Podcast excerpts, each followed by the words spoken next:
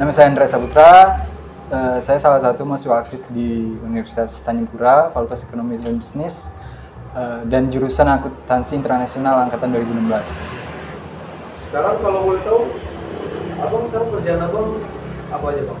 Eh, saya saat ini eh, akhir-akhir ini sedang ngerjain proyek di salah satu proyek eh, produk da- produk bisnis lokal yaitu Ranai Care yang menjual produk seperti spray botol dan saya juga mena- mena- menangani eh, visual grafis untuk sosial media dan visual identitas dan contohnya seperti foto dan eh, campaign eh, sosial media campaign juga Jadi kayak uh, untuk promosi gitu. Iya, benar. Desain untuk brosurnya gitu.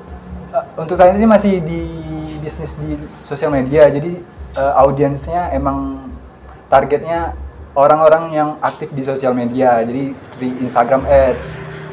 Jadi kayak yang saya siapkan ya kayak foto-foto dan desainnya. Biar lebih au- eh, audiens bisa tertarik dengan produknya kan. Juga harus berbarengan dengan di visual-visual yang menarik bagi audiens. Abang kan ya sudah bisa ahli lah grafis. Eh, enggak, enggak Hali. Cuman Masih bisa- amatir, bisa- amatir. Bisa kan. Bisa jelaskan abang, desain grafis tuh sebenarnya desain grafis itu apa? Eh, a- aku rasa masing-masing tuh punya pemahaman sendiri tentang desain grafis. Tapi kalau pemahaman aku sih simple sih. Eh, kalau kita ngomong grafis kan itu sem- semua yang berhubungan dengan digital.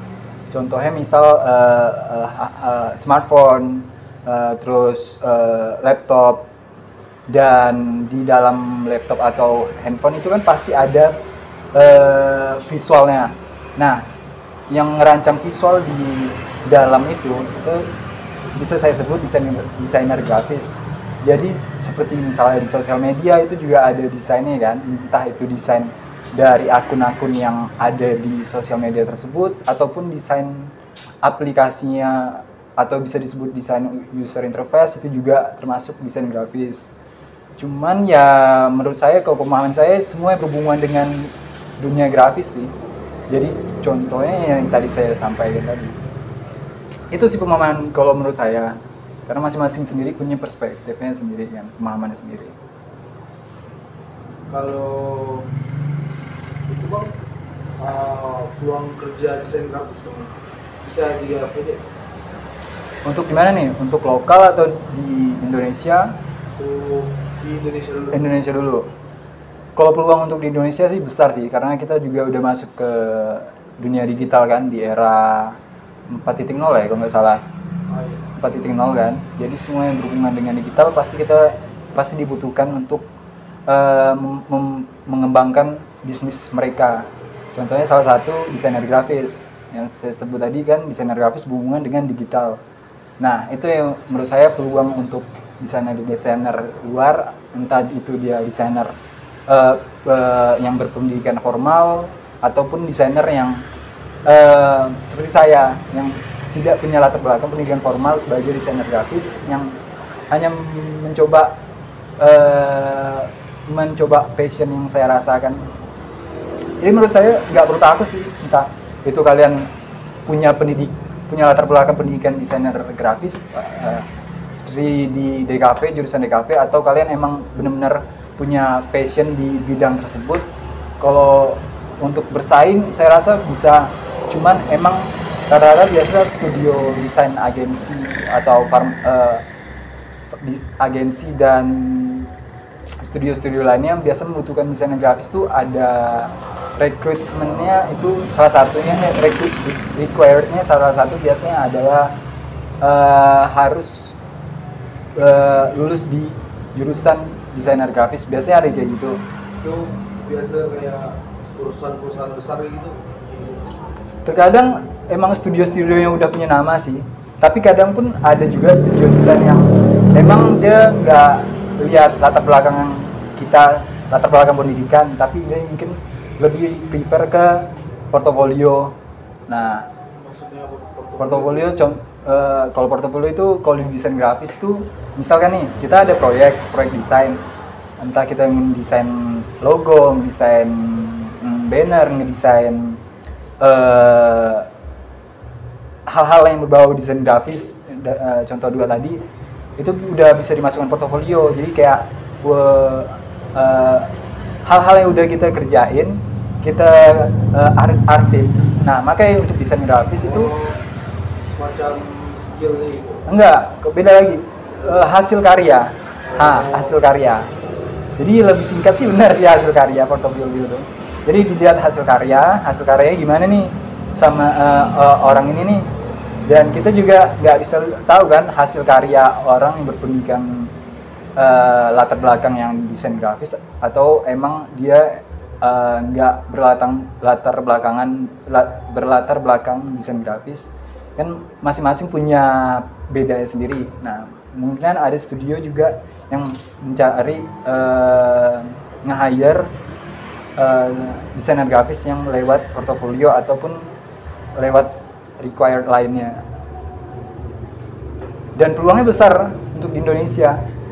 Dan saya salah satu yang ngerasa eh, kayak eh, biarpun aku jurusan akuntansi kan sekarang dan aku ngerasa aku nggak bakal bisa nih a- setelah lulus ambil di jurusan akuntansi maksudnya ambil di bagian akuntansi contohnya di bank. Tapi aku coba bangun eh, percaya diri dulu dengan apa yang udah aku lakukan terutama di desain grafis entah itu prosesnya dari 2017 dan aku rasa aku percaya sih eh, karir aku di desain grafis itu bakal bisa berkembang.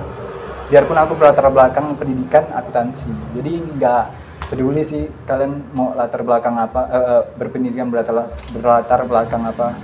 Entah kalian eh, manajemen atau eh, ilmu komputer atau eh, akuntansi seperti saya tapi aku ngomongnya pakai aku saya tuh bingung jadi Tahu, tahu. Nah, jadi kita masuk ke tema yang tadi kan desain branding kan. Bisa jelasin nggak bang? Branding itu desain branding apa? Kalau branding, branding itu luas sih. Eh, misal kita sebut branding bi- biasa, kalau saya kan biasa bantu project untuk brand identity. Sebelum kita masuk ke branding, coba pahami dulu itu brand.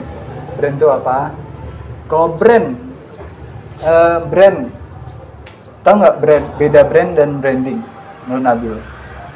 Bisa, bisa bedain ya? Brand dan branding. Saya tahu sih kalau brand kan kalau branding kan kayak lu ngambil identi- identitas juga yang unik untuk misal perusahaan itu gitu. Ah, ah. Kalau brand kan produknya gitu yang menurut saya Hmm. yang saya itu pun saya cuma tahunya dari internet juga ya, teman-teman gitu. Hampir betul sih. Jadi gini pak, kalau kita mau coba kasih contoh brand tuh, contohnya nih, di Pontianak kan banyak nih coffee shop. Coffee shop banyak brand kan di Pontianak, ada Starbucks, terus ada Side Doors, terus ada eh, Bermuda Bermuda, terus masih banyak lagi kan. Masing-masing itu kan brandnya emang beda, tapi eh, berkecimpungan di bisnis coffee shop kan. Nah, yang membedakan brand dengan brand identitas, bra- branding maksud saya itu eh, contohnya misal kayak eh, Nabil pergi ke coffee shop Starbucks yang yang didapatkan dari feeling atau experience yang didapatkan dengan dapatkan pas eh, beli kopi di Starbucks itu pasti beda kan dengan beli di di eh, coffee shop coffee shop lain. Oh iya. Entah kita ngerasa lebih eh, derajat kita lebih naik kan? Iya kan? Atau rasa yang mungkin lebih enak terus suasana juga lebih enak terus dari eh, eh, dekorasi interior tempatnya juga lebih baik kan? Dan itu menurut saya membedakan branding dan brand itu salah satunya bagaimana kita coba meng, eh, eh, mengeluarkan eh bukan, mengeluarkan sih tapi bagaimana eh, brand punya karakter yang kayak Nabil bilang tadi. Jadi kayak uh, feeling atau experience orang yang rasakan ketika ngebeli atau berkunjung di tempat kita di brand kita. Ini seolah-olah brand coffee shop Starbucks dengan Bermuda itu feelingnya beda pasti kan beli sama-sama kopi sih tapi feeling pas kita ngumpul pas kita beli di Bermuda dan di Starbucks pasti beda. Biarpun masing-masing punya keunggulan pasti ya kan? Nah itu dia. Jadi soal bagaimana kita coba buat beda brand kita biarpun kita berkecimpungan di bisnis yang sama agar bisa dibedakan dengan orang lain. Jadi kayak walaupun kita mau bikin bisnis yang sama dan itu belum bakal banyak sehingga kita harus ada sesuatu yang unik. Iya khas kita sendiri iya benar. Karakter dan identitasnya. Itulah tuh yang branding. Dan branding nggak cuma cuma logo doang. Itu banyak. Maksudnya eh, dalam cakup branding itu eh, copywriting aja bisa disebut branding kalau menurut aku. Copywriting tuh eh, bagaimana kita mengolah kata kan? Mengolah kata jadi sebuah konten yang baik dan dibaca sama audiens. Dan salah satu yang menurut aku copywritingnya lumayan khas yang ada identitasnya. Itu Vice. Tahu Vice enggak Vice Indonesia. Oh tahu. Nah itu tuh menurut aku copywriting mereka keren sekali sih. Jadi kayak punya salah satu eh, punya khas sendiri. Dan copywriting mereka tuh kayak kita ngelihat eh, thumbnail bukan thumbnail ya, cover cover eh, ininya beritanya. Dari explore Instagram aja wah ini pasti ini nih eh, Vice Indonesia nih kan? Iya kan? Dan kita lihat eh benar. Dan pas kita baca itu kalimat-kalimat itu Vice banget. Misal kalian bisa eh, teliti dengan apa baik. Dengan kata-kata ah itu Vice sekali lah. Dan yang komen tuh rata-rata pasti ada yang kalimatnya kayak gini. Hmm, tentu saja eh, Vice membahas ini. Tahu nggak? Pernah baca nggak? Maksudnya kayak tentu saja Vice memba- eh, membahas ini dalam dengan maksud tuh eh, sarkas. Oh. Sarkas tuh maksud kayak contohnya ini misal kita ngomongnya dada misal Vice tuh sering bahas tentang eh ini nih apa beru- yang nyeleneh nyeleneh lah. Nyeleneh nyeleneh misalnya eh berhubungan dengan seksual biasa. Kayak skandal dengan itu enggak itu kayak enggak, enggak. itu kayaknya perlu ikat tuh. Ikat hah? Kalau kalau Vice Indonesia sih menurut aku nggak ada sih. Kan Vice kan punya banyak regional ya kan? Ada di Indonesia ada yang Amerika. Tapi yang aku baca untuk saat ini masih Vice Indonesia tuh. Iya. Dan beda sekali konten mereka tuh. Nah itu juga bisa disebut branding. Terus dari eh visualnya juga kayak warna itu pasti orang udah tahu lah pasti branding itu pasti harus ada identitas warna kan pasti orang tahu tentu kayak ini brand ini hasil dengan warna apa Iya, kayak pernah kan pasti misal kalian baca komen di Facebook atau apa, saya beli produknya di toko oren nih, saya beli produknya di toko hijau nih, dia nggak nyebutkan eh, brandnya loh, padahal. Tapi tahu nggak toko hijau itu apa? Ah, tahu kan? Apa tuh? Tokopedia. Ah, Tokopedia. Brand oren apa tuh? Shopee. Ah, Shopee. Nah, itu tuh yang tidak secara langsung tuh ngebuat otak kita ingat brand tersebut ya. Nah, itu salah satu warna tuh emang eh, main sih, maksudnya utama sih untuk brand identitas kan. Jadi nggak perlu kita sebut brand pun dengan sebut warna pun orang mungkin lebih cepat lebih kenal kan. Soal brand nih kan, desain brand. Kira-kira menurut Andreas nih desain brand yang efektif itu kayak gimana sih untuk zaman sekarang? Brand yang lebih efektif, maksudnya brandingnya efektif. Uh, desain brand Desainnya, logo, visualnya. uh, visual. visualnya kalau menurut saya itu susah karena sebelum kita menentukan visualnya mau kayak mana itu kan pasti ada proses kan proses itu kayak kita target audiensnya mau kayak mana umur berapa iya kan target audiensnya orang umur yang misal target audiens punya kita brand kita untuk anak-anak rank umurnya 10 sampai eh enggak 10 7 sampai 12 tahun itu aja visualnya pasti beda dengan rank umur 18 sampai 30 untuk visualnya. Jadi kita sebelum untuk menentukan visual yang baik untuk brand itu kita harus tahu dulu uh, uh, target audiensnya, terus uh, kompetitor juga termasuk. Jadi sebelum kita merancang branding ya, masuk ke proses brandingnya, target audience, terus uh, umur juga termasuk kan, gendernya juga, karena gender hal yang juga yang paling penting karena kita pengen uh, target audience kita yang paling kena nih untuk gender-gender apa aja. Kalau kita mikir cowok ya pasti paling dekat dengan warna hitam kan untuk brand.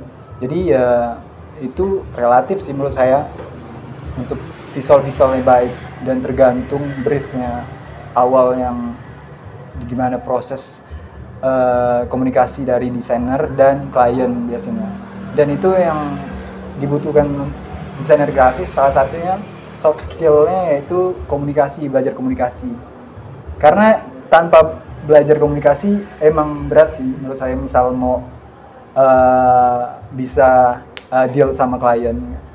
Karena untuk dia paham dengan apa yang kita sampaikan kan kita harus belajar komunikasi yang baik dan benar.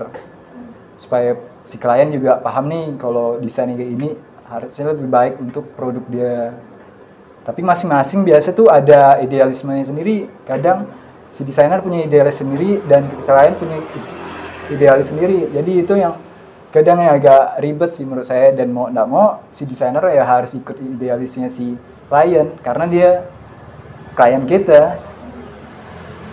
Dan kadang tuh rata-rata untuk project aku ya aku biasa ngikut klien sih. Jadi aku uh, hindari dulu idealis aku biar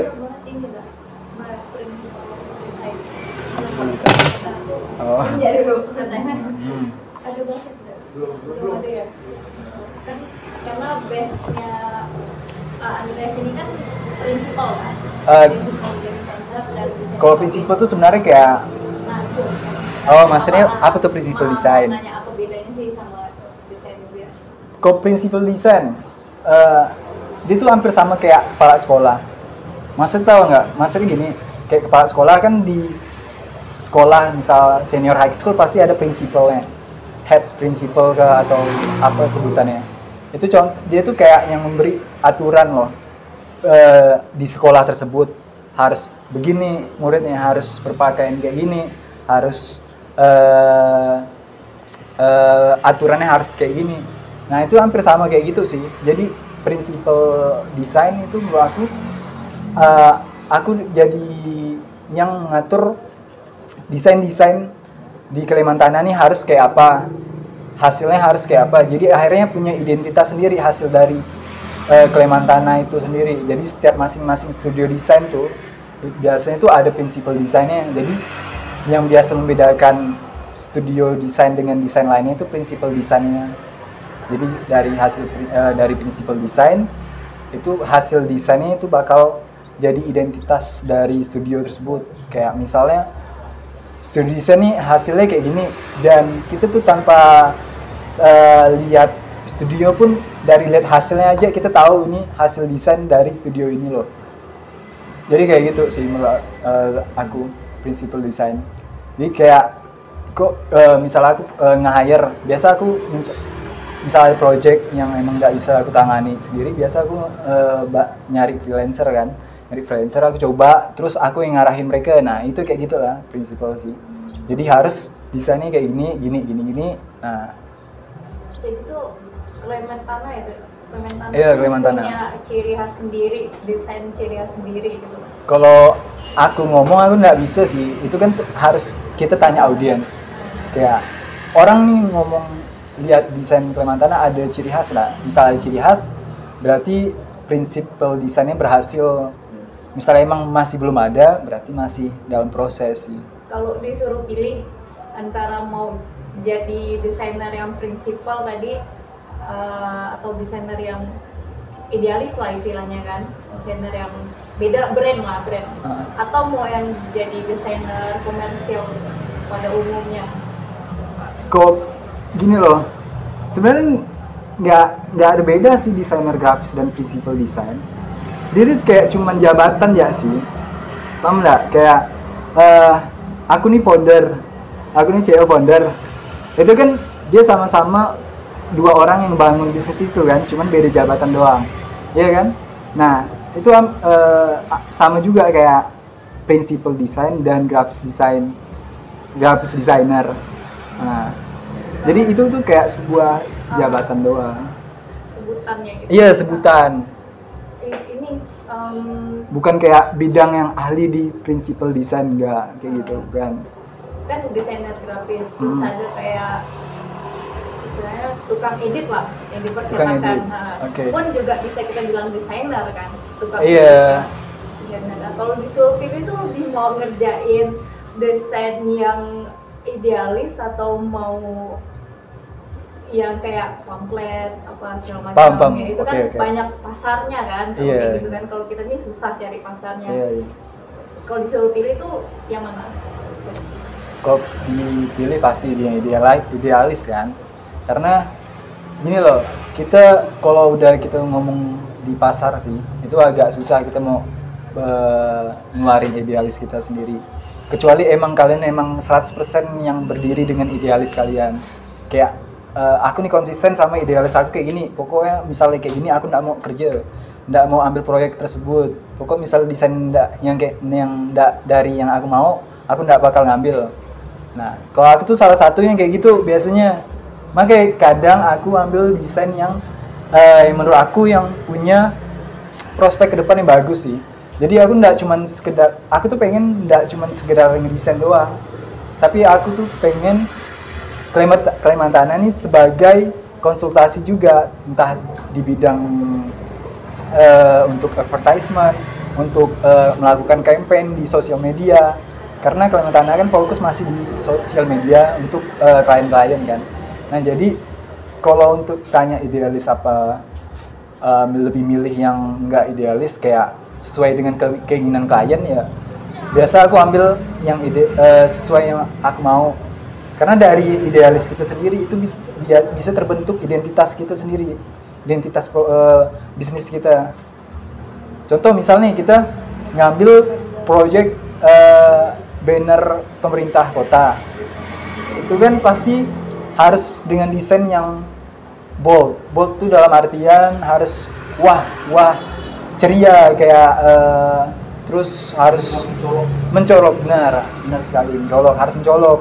Nah kalau di desain di di, di kalau di Kalimantan itu eh, simple itu nomor paling satu sih. Itu ya prinsip desain Kalimantan jadi hal-hal yang mencolok itu agak dikurangi di Kalimantan jadi kecuali penggunaan warna dan biasa objeknya pun nggak banyak di dalam satu frame.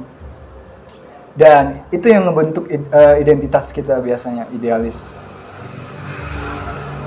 Nah, Bang, eh, zaman sekarang kan banyak eh, yang anak-anak apa anak-anak sekarang kan pasti kayak pengen nyoba ngedesain sendiri kan.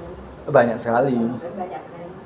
Yang eh, tiga kata dong buat desain yang kekinian yang lagi eh, sekarang-sekarang ini gitu. hits lagi hits. Lagi tren. desain trennya yang sedang banyak dikerjakan orang kalau tren desain tuh masing-masing tahun itu pasti beda sih. Kalau sekarang kalau aku lihat banyak eh, brand atau produk tuh menggunakan warna-warna terang biasanya. Tapi tergantung lagi itu produk apa. Contohnya yang biasa dijadikan indikator tuh kalau aku biasanya aku jadikan indikator tuh Spotify. Spotify nih buat aku indikator desain nih kalau menurut aku nah kalau Spotify sedang make desain kayak gini itu pasti bakal tren nih contohnya biasa tiga dimensi dia yang tahun lalu nggak salah yang ada eh, motion grafis yang orang bukan orang objek yang kayak badannya eh, kayak animasi gitu tahu kan? Oh yang kayak gitu. Bukan bukan.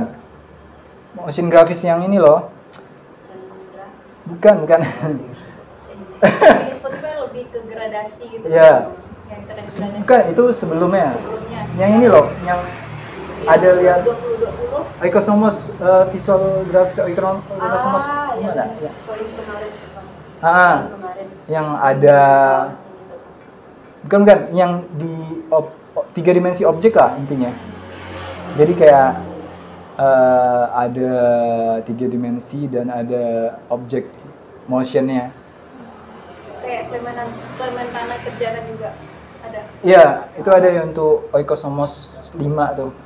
Salah satunya cuman aku ndak motion karena motion lebih berat kan untuk desainer grafis. Makanya biasa tuh desainer grafis dan motion grafis itu dua bidang yang harusnya seharusnya dibedakan. Jadi nggak terlalu berat untuk si desainer. Tapi kadang biasanya desainer grafis malah disuruh motion grafis juga malah. Jadi akhirnya dia punya dua job desk yang harus dikerjakan. Dan desain tren yang untuk menjawab tadi terus desain yang sedang tren sebutannya apa ya? Banyak sih. Salah satunya tadi aku sudah sebutkan Spotify. Kalau kalau menurut aku aku pasti jadikan indikator tuh Spotify lagi sedang hangat dengan visual-visualnya kayak mana terus eh, tren-tren minimalis biasanya sekarang. Minimalis maksudnya minimalis ini bukan berarti hitam putih tapi objeknya objek yang ada di frame itu berapa banyak dipakai. Terus white space-nya antara objek satu dengan objek lainnya itu untuk minimalis biasa minimalis dan simple itu dia white space-nya lebih luas dikasih lebih luas. Itu sih menurut aku dan aku masih patokan aku like, masih di dua itu sih. Spotify dan minimalis indikator aku. Spotify dan jadi minimalis. kalau bisa disimpulkan tiga keywords. Keywords ah. keywords untuk membuat desain yang kekinian gitu apa kira-kira. Eh, oke.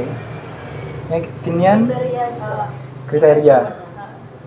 buat desain yang desain kekinian gitu yang tidak terlalu Oke. Nah, itu yang tadi aku awal bilang, desain ini kita nggak bisa sembarang desain. Maksudnya kita harus tahu target audiens kita. Kita pengen orang-orang mana kita jangkau. Kayak contoh yang balik lagi aku jelasin ke awal sih. Sebenarnya kita emang relatif banget desain masing-masing orang pasti melihat desain ini bagus nih tapi ada orang nggak jawab ah desainnya biasa sih aku bisa gak buat kan? Nah makanya untuk ngedesain itu yang paling penting itu prosesnya. Karena dari proses tersebut si desainer udah ngerangkum semua uh, brief yang di disampaikan bersama dalam satu meja dengan klien.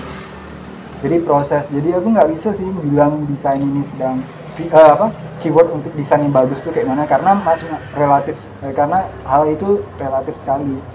Ya? Nah, dan subjektif sekali sih. Soalnya ya. mungkin ada sebagian orang sukanya minimalis. Iya benar. Uh, untuk idealis sukanya desainer tuh suka yang minimalis Ah. kan buat brand ada yang nggak suka? Iya ada juga yang suka yang pengen ya. Dalam satu frame tuh padat semua. Ah. harus keisi semua. Ada warna-warni. ada warna-warni Ah. benar. Uh, gitu jadi menurut aku relatif sih. Keywordnya relatif. Iya relatif ya. Ah, ya balik lagi jadi ini ikutin apa mau klien jadinya. Iya, Ya, jadi- balik lagi ke situ jadi. jadi tuh ini ya kadang orang awam salah artikan. Desain tuh bukan bukan harus menerus tentang estetika. Paham nggak? Estetika tuh maksudnya apa? Tahu nggak? Estetika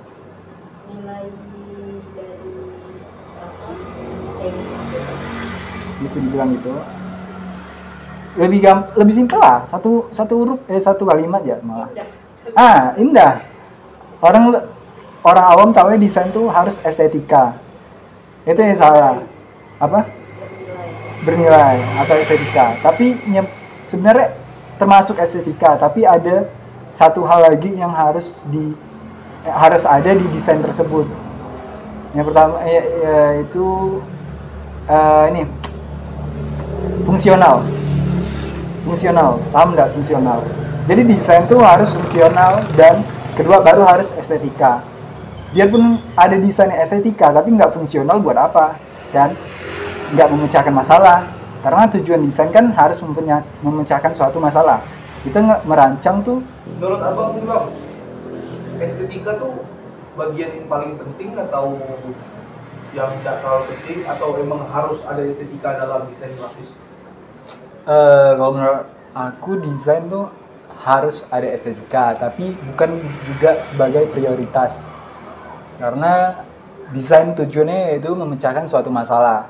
Karena tanpa ada masalah desain nggak mungkin terbentuk. Contohnya misal kita pengen bangun bisnis bisnis dan eh, masalah si klien itu yaitu dia pengen mencakup audiens audiensnya pengen mendapat aware atau mendapat eh, perhatian dari audiens yang dia eh, jadi seolah-olah desain itu harus juga eh, tidak harus eh, dan bukan tidak harus tapi bukan prioritas yaitu estetika tapi fungsional itu yang paling utama. Karena tanpa fungsional desain tersebut menurut saya gagal gagal karena eh, misal kita ngedesain eh, barang produk desain. Contohnya misal kita ngedesain gelas. Kita ngedesain gelas. Eh, produk gelas kan. Dan ganggang gelas itu pas kita minum kena mata. Tahu nggak? Pernah lihat foto kayak gitu? Itu kan berarti estetikanya emang bagus. Tapi misal eh, ada dampak buruk dari desa- desain tersebut itu kan berarti fungsionalnya gagal. Jadi eh, selain estetika fungsional juga harus diperhatikan. Nggak cuman estetika estetika melulu kecantikan kecantikan keindahan. Nggak nggak itu melulu sih desain tapi fungsionalnya. Jadi kalau misalnya biarpun itu pun sebagus apa pun tapi kalau misalnya fungsionalnya pun enggak pun enggak enggak ada gitu Mm-mm. itu percuma gitu kan? Cuma useless gagal. Ya biarpun seindah apa pun tapi tanpa fungsional nggak nggak berhasil menurut saya desainnya jadi gagal di produk gagal. Hmm. kan banyak tuh ada produk mungkin di luar sana mungkin ada produk yang punya produk yang estetikanya baik dan indah tapi fungsionalnya cuman sedikit aja dari estetikanya lebih banyak estetika daripada fungsional seharusnya kedua op- eh, kedua ter- hal tersebut harusnya dijalani berbarengan tapi yang pertama itu harusnya fungsional harus dulu balance lah ya Ya harus balance, tapi yang pertama harus fungsional dulu. Karena kan emang tujuan desain tuh memecahkan masalah, bukan memperindah masalah atau memperindah jadi lebih baik lagi. Benar sih jadi lebih baik lagi, tapi fungsionalnya itu jadi jadi- prioritas. hmm, aku bukan memecahkan masalah jadi lebih indah tapi jadi lebih baik Iya lebih baik dan kalau bisa juga lebih indah. Dan intinya masalah tersebut harus selesai. jadi kita ada challenge bang abang beri kayak visual gambaran. Hmm. dia abang gambar? Uh, selama berapa menit, tiga menit. Boleh lah tiga tiga menit.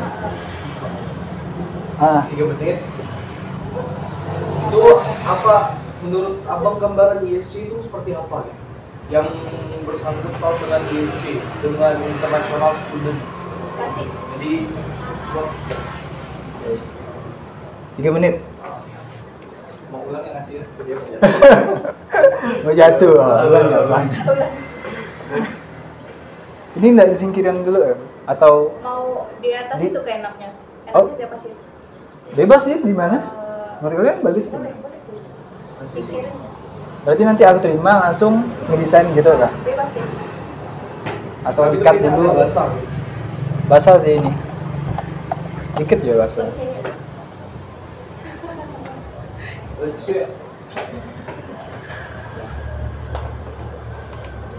Kalau di sini pun boleh Di mana? ini bisa kali nyaman bisa Bisa bisa. Su. Pun nggak harus bagus kan? ah enggak cuma tiga menit ya kan Nggak. Oke, langsung Tapi aku, langsung jelaskan lagi tapi tag videonya nggak tiga menit kan? Maksudnya kayak enggak bakal dikat. ah bakal lagi Atau- cepat-cepatin Oke, kita mulai Nah, grogi abangnya dari sekarang.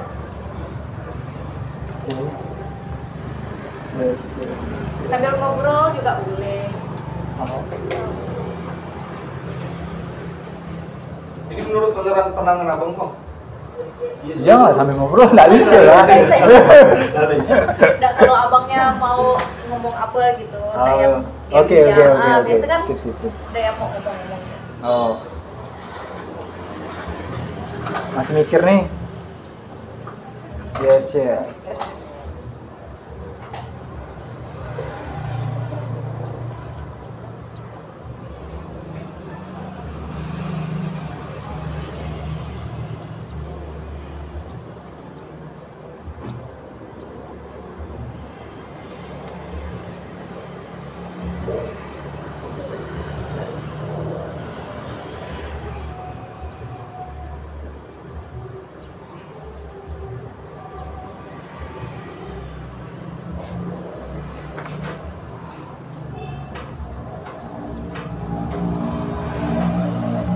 besar harus kecil nih gambarnya.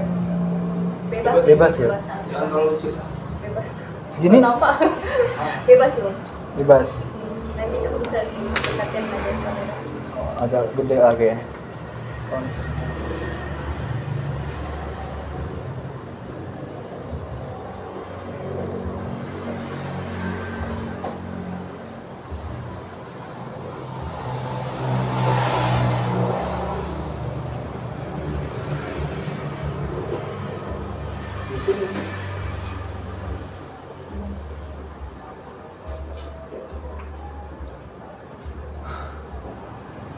Kayaknya ganti lagi.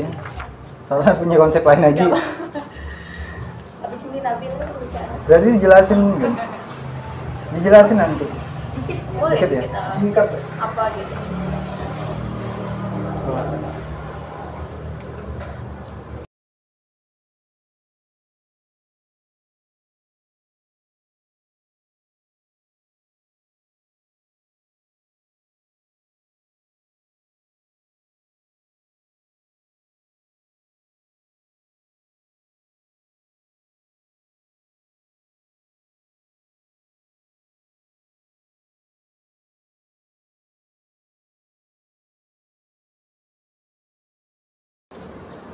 selesai. Boleh ditunjukkan bang? Gambar gimana? Ah, Oke. Boleh jelasin bang itu gambaran abang? Kenapa abang gambar gambaran abang Yesus seperti itu? Ini maksudnya sebenarnya sederhana. Ini kan kotak kan, kubus kotak. Eh, seperti halnya ISC, Locally dan Think Internationally. Kita sehar- eh, harusnya berpikir di dalam, eh, ber- eh, Think outside the box. iya, think apa? Think outside the box. Ya, itu maksudnya. Jadi kita harus berpikir luar dari kotak tersebut. Dan anak inter kan salah satunya yang menjadi pembeda yaitu kita kebiasaan kita di kampus sehari-hari yaitu menggunakan bahasa Inggris kan di makul-makul ini. Jadi seolah-olah kita keluar nih dari zona nyaman kita yang cum- yang biasa yang biasa kayak kita tiap hari ngomong bahasa Indonesia sama kawan dan tiba-tiba di kampus kita harus berhadapan dengan bahasa Inggris. Dan seolah-olah kita harus berada di luar box kita dan di luar zona nyaman. Itu sih. Oke. Oke. aman. Lanjut ke bang. coba abangnya pura-pura gambar coba foto tadi. Kira belum selesai. Abangnya pura-pura gambar kami tidak foto. Sama Oh, pura-pura.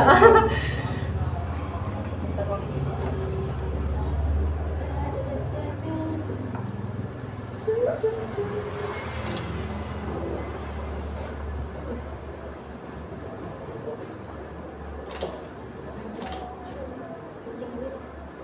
yang satu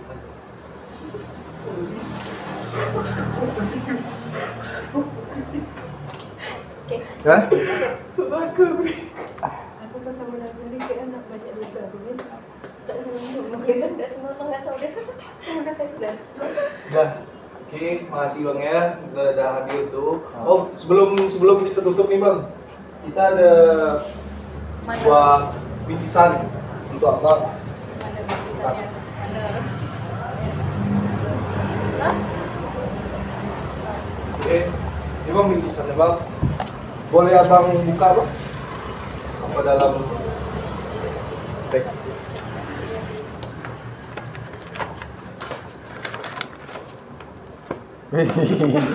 mantap mantap mantap mantap Jadi itu itu eh, dari salah satu anggota divisi kita.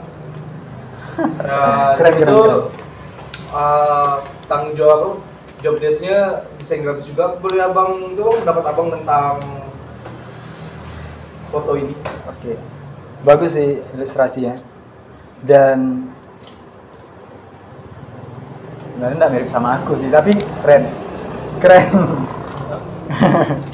Salut. lebih mau ke anime kali ya. Iya, Ah, lebih ke anime. Bagus, bagus, bagus. Dan thank you yang udah gambarin dan thank you banget untuk teman-teman SC yang udah eh, kasih kesempatan dan waktu untuk cara ini.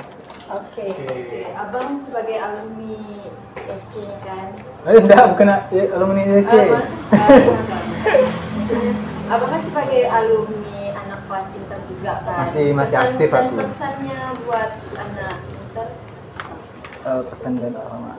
Aku ini kalau dibilang sebagai anak kelas internasional yang berprestasi, tak ada ya. Karena aku pun udah sampai semester sekarang semester 10 kalau nggak salah. 10 kalau nggak salah. Ah, Aku bakal lanjut lagi nih semester 10 dan untuk kasih kesan pesan ke anak inter ya jadi diri sendiri ya. Jadi diri sendiri dan coba kembangkan passion yang sesuai dengan kemampuan. Dan nikmati proses. Nah, itu aja. Oke,